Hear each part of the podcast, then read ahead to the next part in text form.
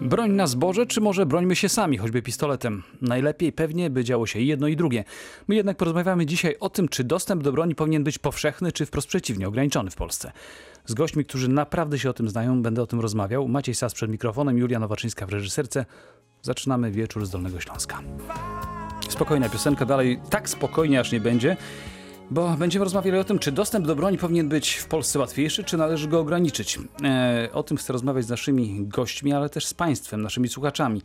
Liczę przede wszystkim na to, że włączą się Państwo do dyskusji 71 33 99 060 to numer telefonu, pod którym można dzwonić już za chwilę. A w studiu miały być trzy osoby, na razie są dwie, więc najpierw powiem o tych, którzy już są. Pan podpułkownik doktor inżynier Przemysław Żukowski, kierownik Zakładu Obrony Terytorialnej Akademii Wojsk Lądowych we Wrocławiu i były żołnierz jednostki wojskowej AGA. Dobry wieczór. Dobry wieczór. I pan Grzegorz Cichy-Mikołajczyk, szef, były szef wyszkolenia dolnośląskich antyterrorystów policyjnych, ekspert z dziedziny bezpieczeństwa. Dobry wieczór. Dobry wieczór.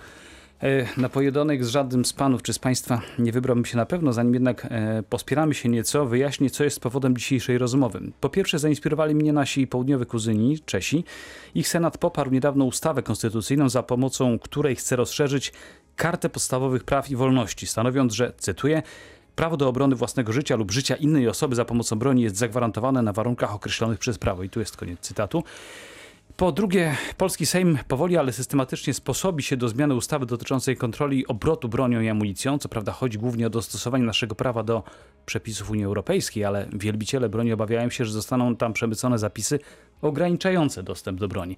No i wreszcie po trzecie, sklepy z bronią w Stanach Zjednoczonych po ostatnich zamieszkach świecą podobno pustkami. Amerykanie zbroją się na potęgę. E, my jesteśmy odlegli od nich, no ale to też ciekawa sprawa. Myślę, że zacznijmy naszą rozmowę, panowie, od jednej podstawowej rzeczy. Zasady, na jakich można u nas starać się o pozwolenie na broń. One są dość jasne, a konkretne, a z drugiej strony wiele wokół nich jest y, dyskusji.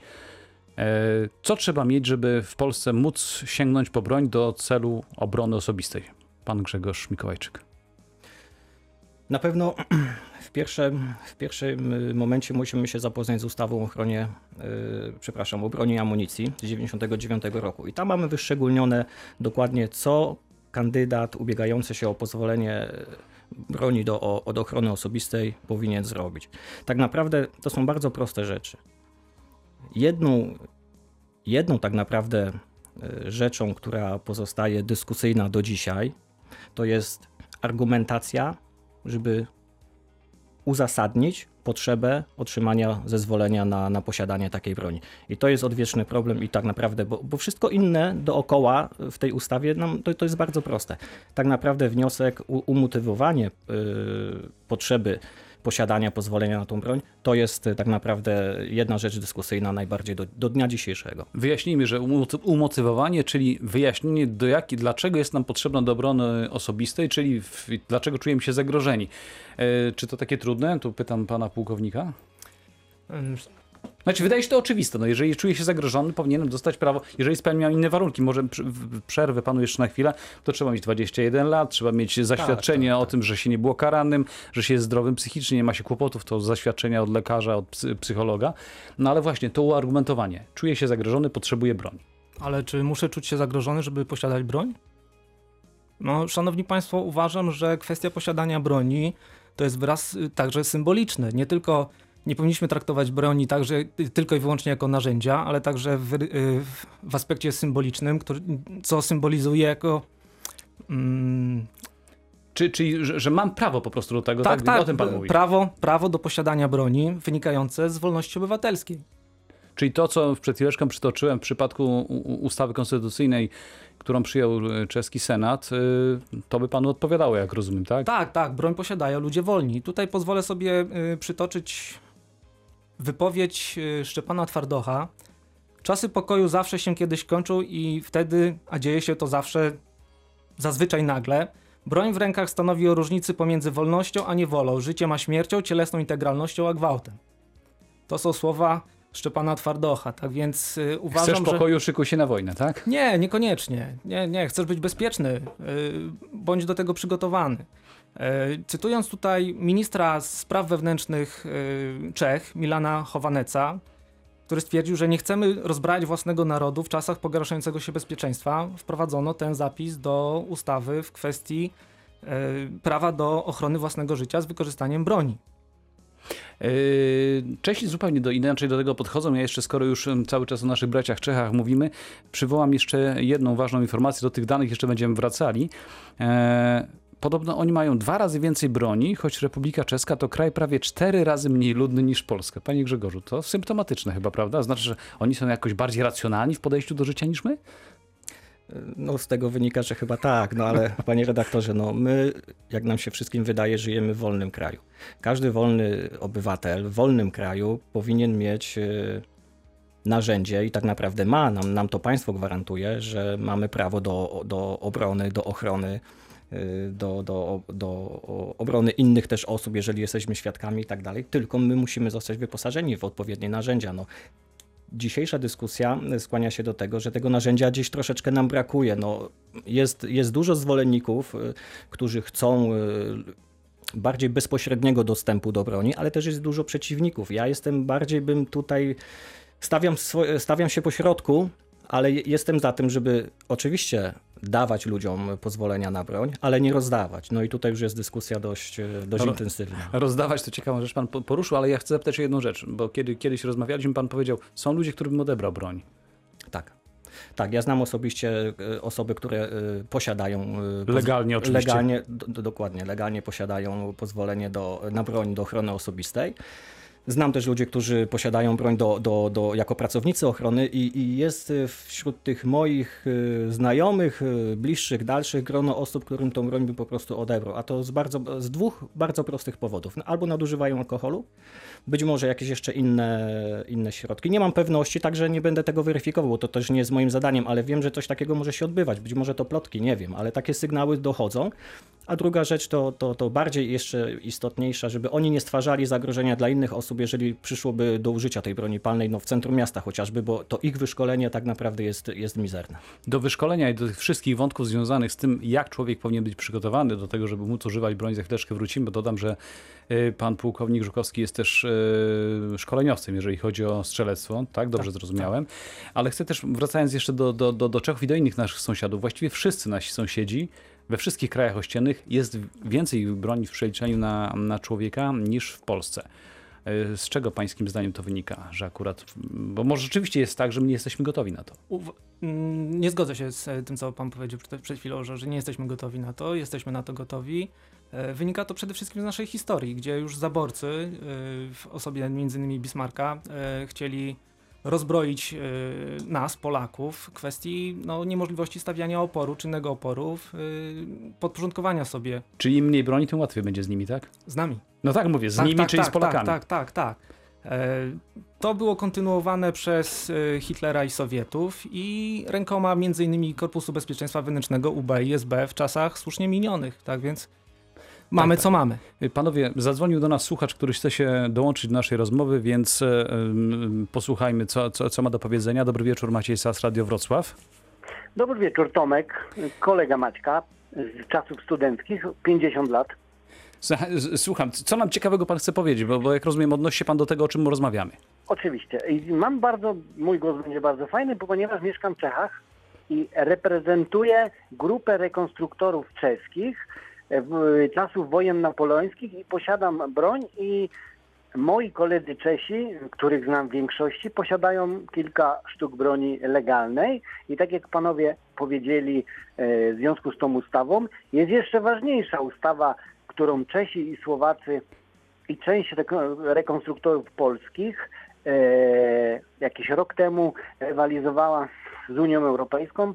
Unia Europejska wydała takie zalecenie, żeby ograniczyć ilość broni w krajach Unii Europejskiej z powodu tych zamachów we Francji, które się odbywały. Mhm. Związane to było z słowackim elementem tego zamachu, że kupiona była legalna broń na Słowacji. Więc wyjaśniam z punktu widzenia Polaka mieszkającego w Czechach, który posiada e, sztuki broni tej rekonstrukcyjnej przed 1850 roku.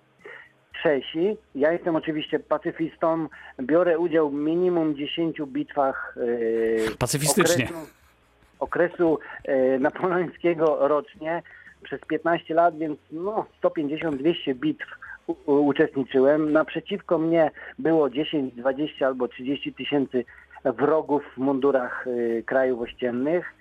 I? Y, Rocznie strzelam może z 50 tysięcy razy. Ślepakami oczywiście, bo ten, ta broń jest z przedniego ładowania z czarnym prochem. Uważam, że z punktu widzenia moich przyjaciół Czechów, że wolność obywatelska, jak tutaj jeden z panów powiedział, jest bardzo ważna, ale w Czechach wydaje mi się, ci koledzy Czesi tak mówią, wolność obywatelska do posiadania broni jest wyssana z mlekiem matki. Oni nie wyobrażają sobie, że można by było im ograniczyć oczywiście te broni sportowe i myśliwskie, bo oni y, w większości nie używają półautomatycznych y, tych karabinów, bo do niczego nie są potrzebne. No w Polsce to Większość też jest zakazany, zdaje się, więc. Tak. Większość dorosłych Czechów należy do klubów strzeleckich. Y, Czechy to są kraj lokalny, samorządowy. Oni lubią y, się integrować Panie Tomku, lokalnie. Panie Tomku, niech pan powie jeszcze, ale teraz porównanie. To, co jest w Czechach, myśli pan, że sprawdziłoby się w Polsce? Pan no, zna jeden, drugi nie, kraj. nie, nie, Dlaczego? Nie, nie. Ja tutaj jak pan Maciek jestem absolwentem naszego uniwersytetu i, i humanistycznych kierunków. Historia Polski y, mówi o jednym, lubimy mieć powstania, tak? Polacy nie są gotowi mentalnie do posiadania broni y, różnego rodzaju, ponieważ jesteśmy narodem, y, jak to mówią, kozackim, tak? Czyli my w trakcie wypicia dwóch kieliszków mogłoby się zdarzyć, że będziemy się strzelać, tak? Czesi są narodem pacyfistycznym. Ostatnią rzeczą, jaką Polacy się śmieją z Czechów, co Czesi zrobią, to zrobią powstanie, tak? Oni w historii 500 lat niewoli mieli jedno, może dwa powstania, tak? Panie Tomku, bardzo, bardzo dziękuję w takim razie. Za chwileczkę się odniesiemy do tego, o czym pan powiedział. Wszystkiego dobrego w Czechach życzę i ty- wielu, wielu bitew jeszcze pacyfistycznych. E, Zapraszam do Srebrna Góra, czy Nysa, czy Kłodzko z Radiem Wrocław do zobaczenia, jak to tam wygląda. Do zobaczenia w takim razie. Dziękuję bardzo. Tutaj panowie żywo reagowali na to, co pan Tomasz mówił, ale do tego, żeby to skomentować, o to, żeby skomentować, za chwileczkę panów poproszę. Na razie chwilę odetchnijmy, muzyka zagra. Więcej broni czy mniej broni? W wieczorze z Dolnego Śląska rozmawiamy dzisiaj o tym, czy jak powinno wyglądać e, system e, dostępu do, do broni w celu bronienia się przed jakimś atakiem w Polsce. Mm, Tuż przed przerwą y, jeden z naszych słuchaczy, który dzwonił, stwierdził, że Polacy nie są gotowi na to, żeby mieć więcej broni, no bo przecież jesteśmy awanturnikami.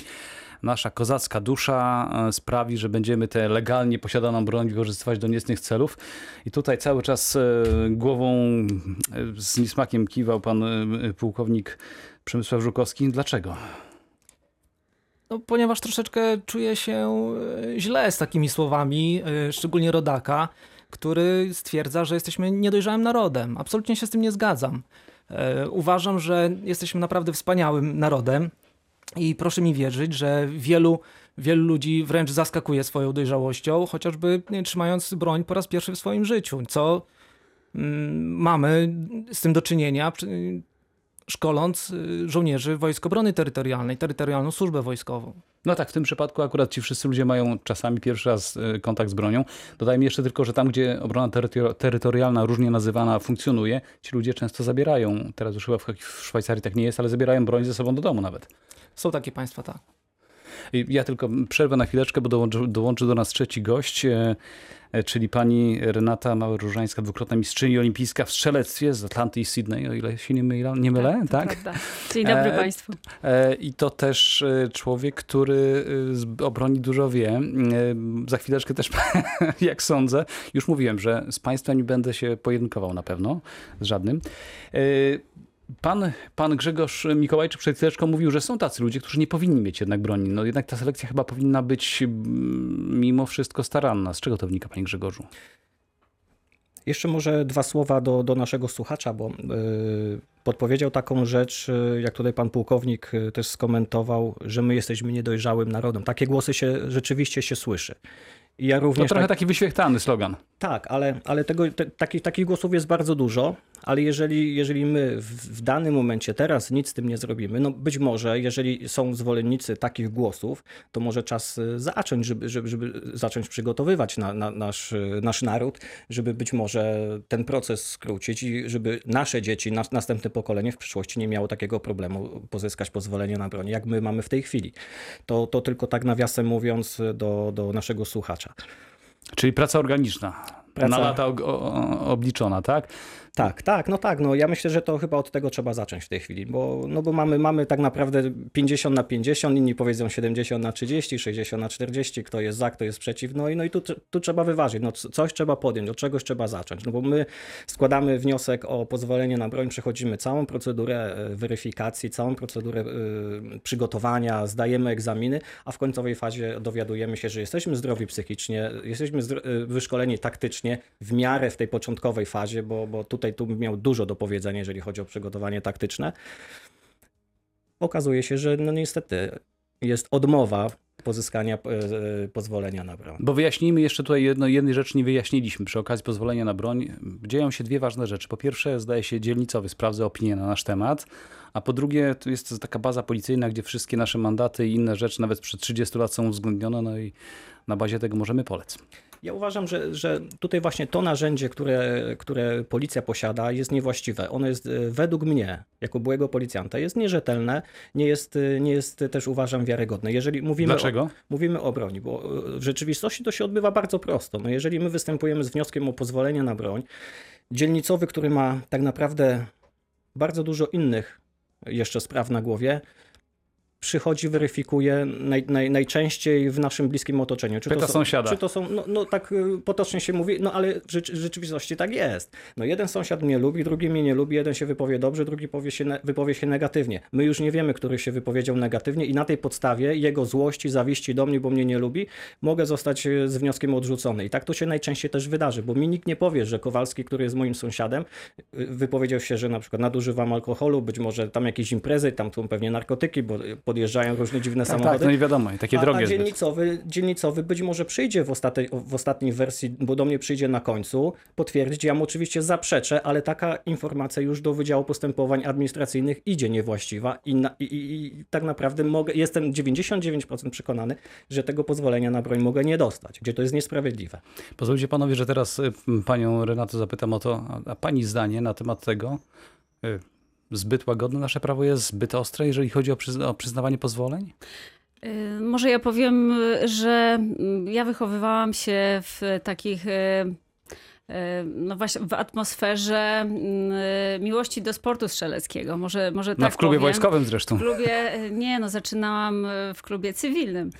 Później zmieniłam barwy klubowe i, i w Śląsku już właśnie od 89 roku startowałam w klubie wojskowym, więc mm, no właściwie ten sport jest mi bardzo bliski i może zgodzę się z panem Grzegorzem, że rzeczywiście ta edukacja strzelecka jest bardzo potrzebna. Ja pamiętam swoje początki, e, kiedy zaczynałam e, w sekcji szkolnej, w szkole. Wtedy każdy uczeń szkoły średniej e, musiał zaliczyć e, strzelanie i właściwie młodzież e, w, w szkołach średnich była zapoznana z tym sportem. Czyli Każdy nieważne, czy wiedział, lubili, jak- czy nie, ale zna, wiedzieli o co ale chodzi. Tak, wiedzieli o co chodzi. Mało tego, uczyli się odpowiedzialności.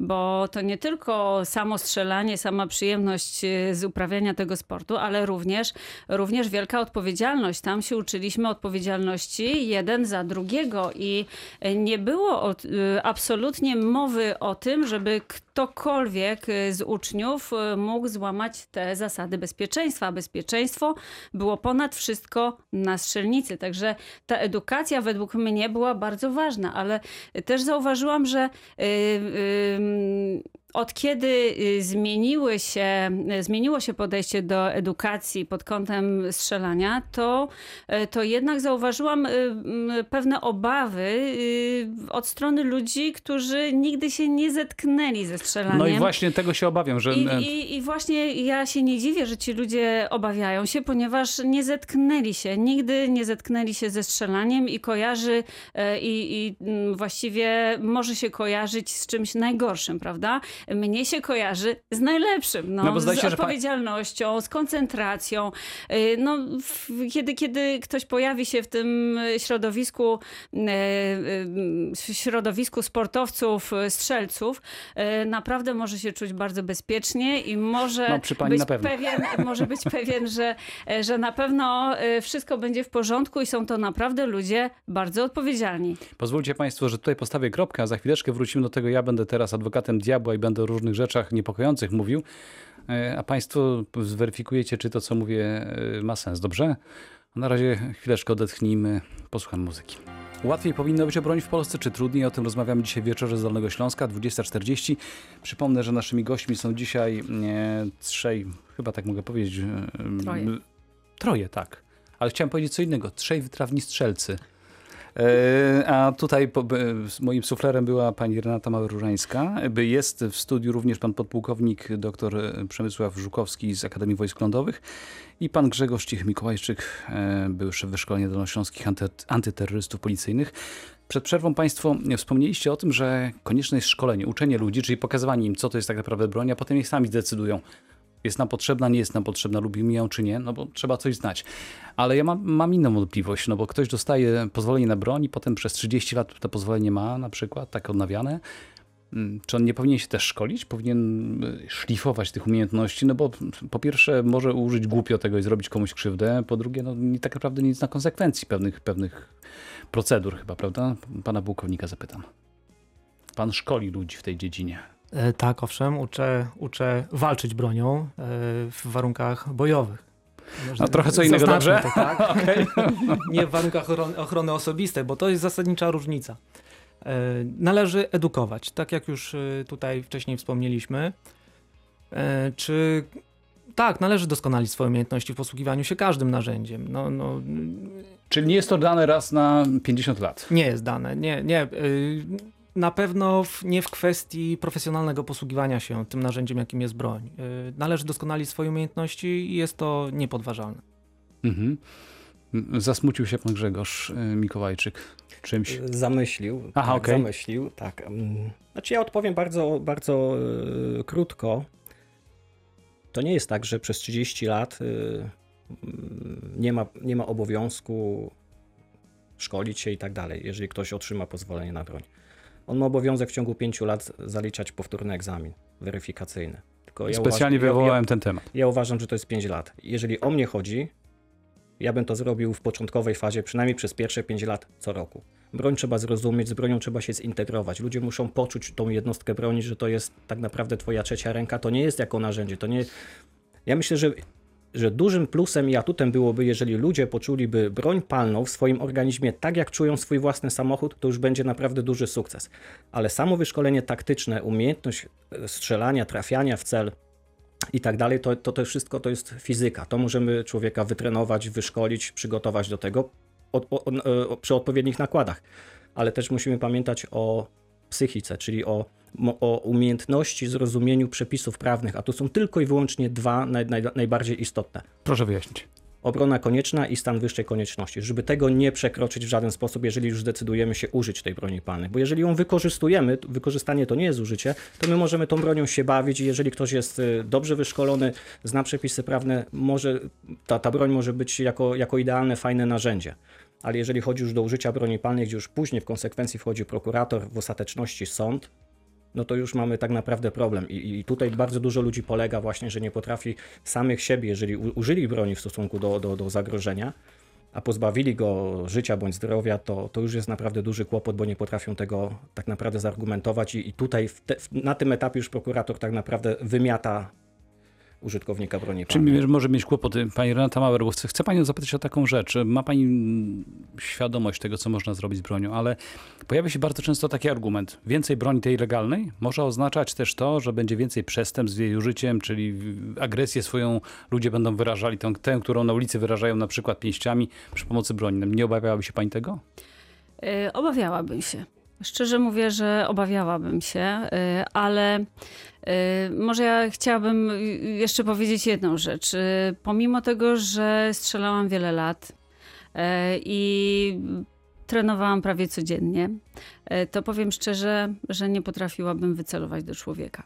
Więc nawet w chwili zagrożenia jestem, jestem pewna. Bezbronna. Jestem bezbronna. Tak, w tej chwili jest tak. y, Takie jest moje podejście. Tak, y, tak zostałam wychowana w tym, w tym sporcie, y, że nigdy nie wolno wycelować do człowieka ani żadnej żywej istoty. I ja mam takie nastawienie naprawdę pokojowe. Y, I strzelanie mi się zawsze kojarzyło ze strzelaniem do tarczy. Powiem więcej. Ja nawet. y, Nie, nie potrafię wycelować do tarczy, która ma w swojej sylwetce człowieka. E, Więc kiedyś, kiedyś na otwarciu strzelnicy y, podano mi taki karabin bojowy e, i zaproponowano, żebym strzeliła i zobaczyłam tarczę z sylwetką człowieka. I powiedziałam, załóżcie mi inną tarczę, bo ja Co, nie do sylwetki pani? człowieka zmieniono tarczę na okrągłą, oczywiście. Na okrągłą tarczę strzeliłam. Rzeczywiście.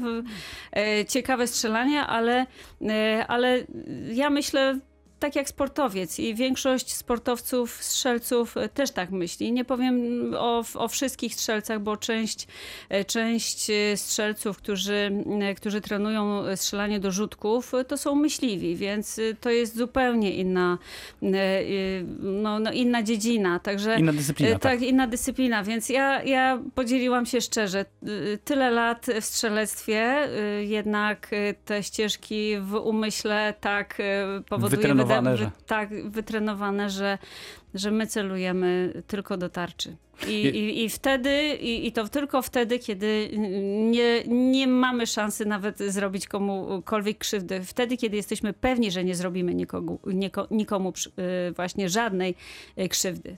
My, my nie, nie wyjaśniliśmy jeszcze jednej rzeczy bardzo ważnej, że jeżeli chodzi o pozwolenie na broń, one są bardzo zróżnicowane.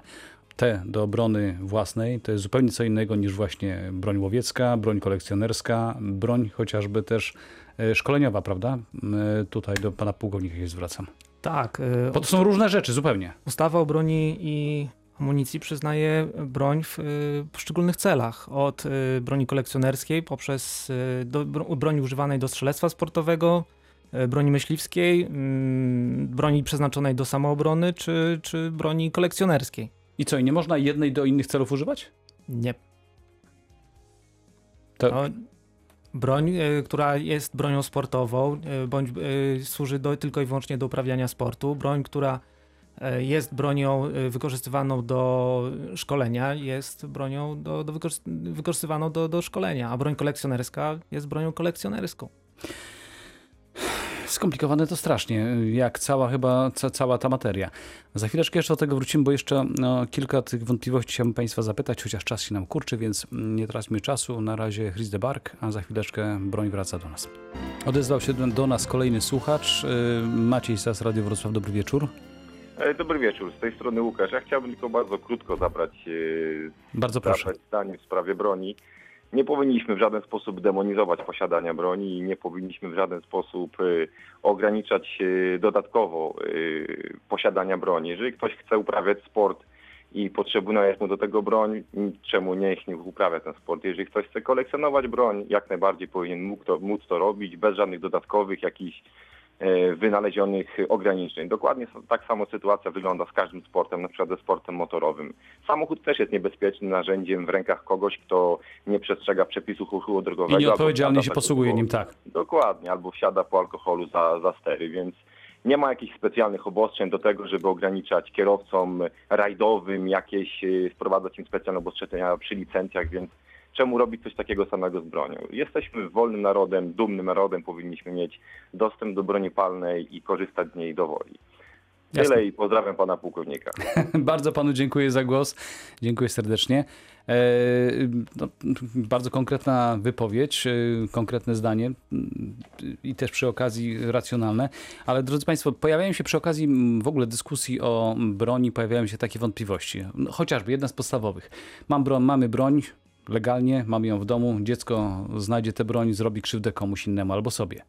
I co wtedy? Dziecko nie ma prawa znaleźć takiej broni. E, Obecna ustawa o broni i amunicji reguluje, jak musi być przechowywana broń. Musi to być e, safe minimum klasy S1 i no, nie, nie wyobrażam sobie, żeby dziecko znalazło broń. No, no, ktoś, kto uzyskuje pozwolenie na broń, jest świadom tego, jaki, jakie narzędzie w domu przetrzymuje. I kwestia e, zabawy dzieci z bronią jest dla mnie bezdyskusyjna. W ogóle nie, nie, nie powinniśmy do, o, na ten temat rozmawiać. Czyli ktoś, kto ma pozwolenie, powinien wiedzieć, jak to Osoby nieodpowiedzialne nie będą miały broni. O tym już mówiliśmy, Tak, że to nie jest wszyscy pełna powinni mieć. nieodpowiedzialność, a kwestia y, dzieci, no cóż, jeżeli będziemy edukować dzieci już na poziomie szkoły podstawowej, szkoły średniej i nie będziemy zajmować się na przedmiocie edukacja dla bezpieczeństwa, nie wiem, rodzajami y, ładunków nuklearnych i rodzajów, rodzajów wybuchów, a, a bronią strzelecką i bezpieczeństwem posługiwaniu się tą bronią, to myślę, że za pokolenie, dwa wychowamy naprawdę fantastycznych młodych ludzi, którzy tą bronią będą posługiwać się w sposób odpowiedzialny i nie będzie już zarzutów w kwestii tego, że cytuję tutaj naszego wcześniejszego słuchacza, że jesteśmy narodem nieodpowiedzialnym, czym absolutnie się nie zgadzam. Chciałbym to jeszcze raz zaakcentować. Panie Grzegorzu, pana krótko chcę zapytać o taką rzecz. Więcej broni legalnej to więcej przestępstw nielegalnych.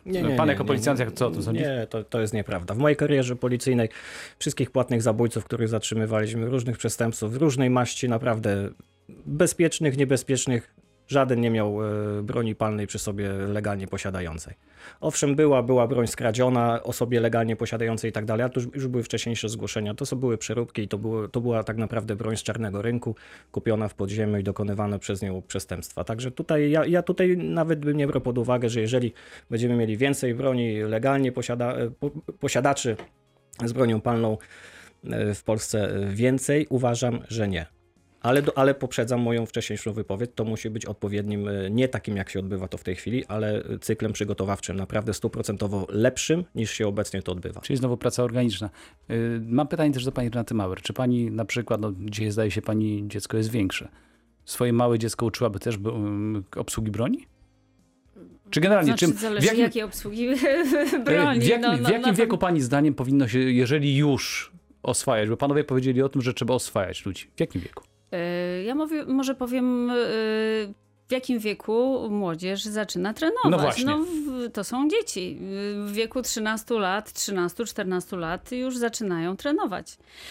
Y, Mało tego... Zresztą im wcześniej zaczynają trenować, tym lepsze wyniki. Y, tak, ale, ale oczywiście muszą w takich warunkach trenować, żeby oczywiście były to warunki dla, dla nich nieszkodliwe dla zdrowia, ponieważ te dzieci rosną, y, broń jest ciężka, więc żeby nie, mm, no nie, nie spowodować dziecku jakiegoś uszczerbku na zdrowiu poprzez nieodpowiedni trening, te dzieci strzelają z podpórku, z podpórki.